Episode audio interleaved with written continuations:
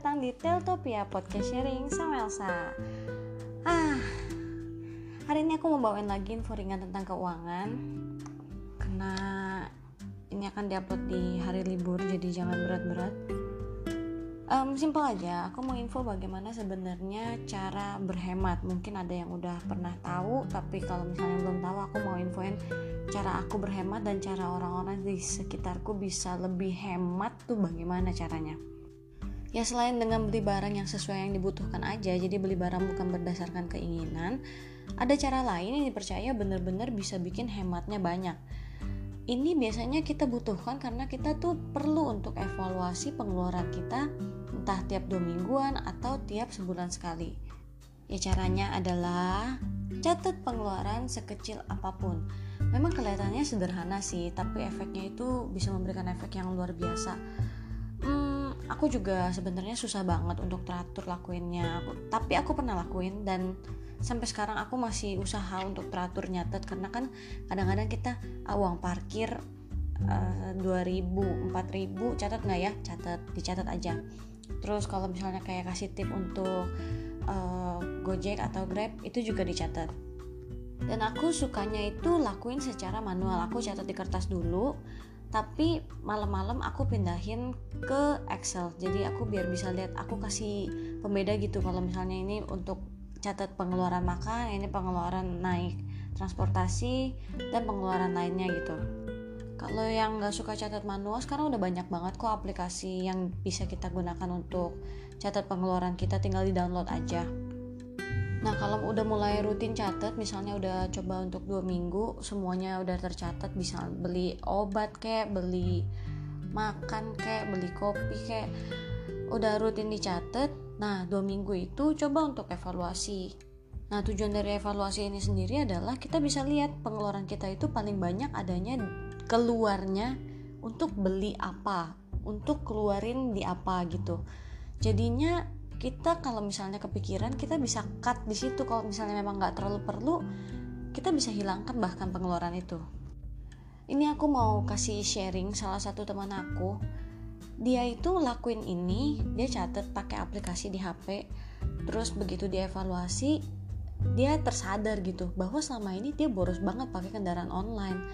Dan padahal kalau dia cari-cari lagi ternyata ada loh rute yang jauh lebih murah untuk ke kantor ya tentunya kalau misalnya teman-teman mau cari rute itu misalnya dia jalan dari tempat A ke tempat B dulu terus ada halte busway naik busway aja atau naik MRT nah kalau misalnya prosesnya semua dilakukan dengan naik ojek online itu misalnya jarak kantornya lumayan jauh itu bisa dipangkas banyak banget.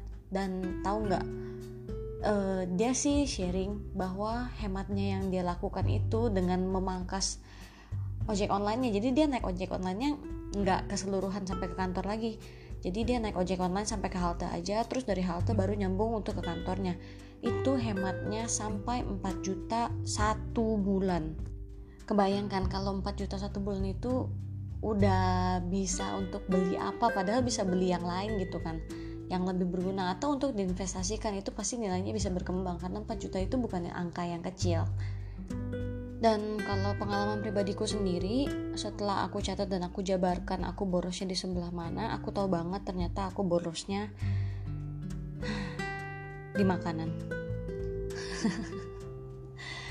ya, satu dan lain hal aku suka pesan makanan dengan fitur GrabFood atau GoFood karena alasan males jalan, aku pesen aja. Dan pilihan makannya tuh bisa lebih banyak yang enak-enak terus kadang-kadang kan tahu sendiri kalau misalnya mau dapat diskon untuk di aplikasi itu kita jadi harus pesen minimal pesennya berapa. Jadinya aku kayak suka nambah-nambahin topping-topping ini itu yang padahal enggak terlalu dibutuhkan gitulah. Dan jadi boros banget sekali beli makanan itu untuk sekedar makan siang bisa 60 ribu. Yang menurut aku itu boros banget sih kalau sampai ini semua cerita aku ini kedengeran sama mama. Bisa-bisa aku dipaksa bawa makanan untuk ke mana-mana. Jadi maksudnya dia aja yang masak aku bawa makanan. Aduh jangan sampai deh. Ya memang aku kebetulan hemat di kopi aku nggak ngopi soalnya. Dan aku nggak terlalu demen untuk nongkrong-nongkrong di tempat kopi. Nah, soalnya ada satu cerita lagi. Dengan catat-catat kayak gini, ada loh yang sadar ternyata borosnya di kopi. Kan nggak berasa ya, ngopi tuh kadang-kadang sehari harus sekali, ada yang sehari dua kali.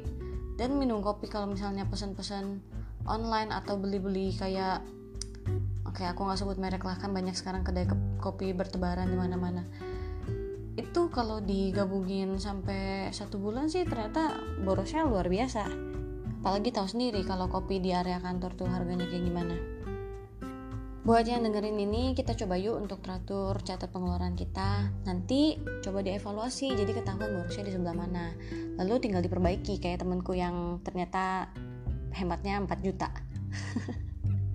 Oke, mudah-mudahan dari sharing kali ini menginspirasi, jadi kita bisa lebih hemat lagi. Segini dulu untuk episode kali ini, kita ketemu lagi di episode berikutnya. Thank you yang udah dengerin, bye-bye.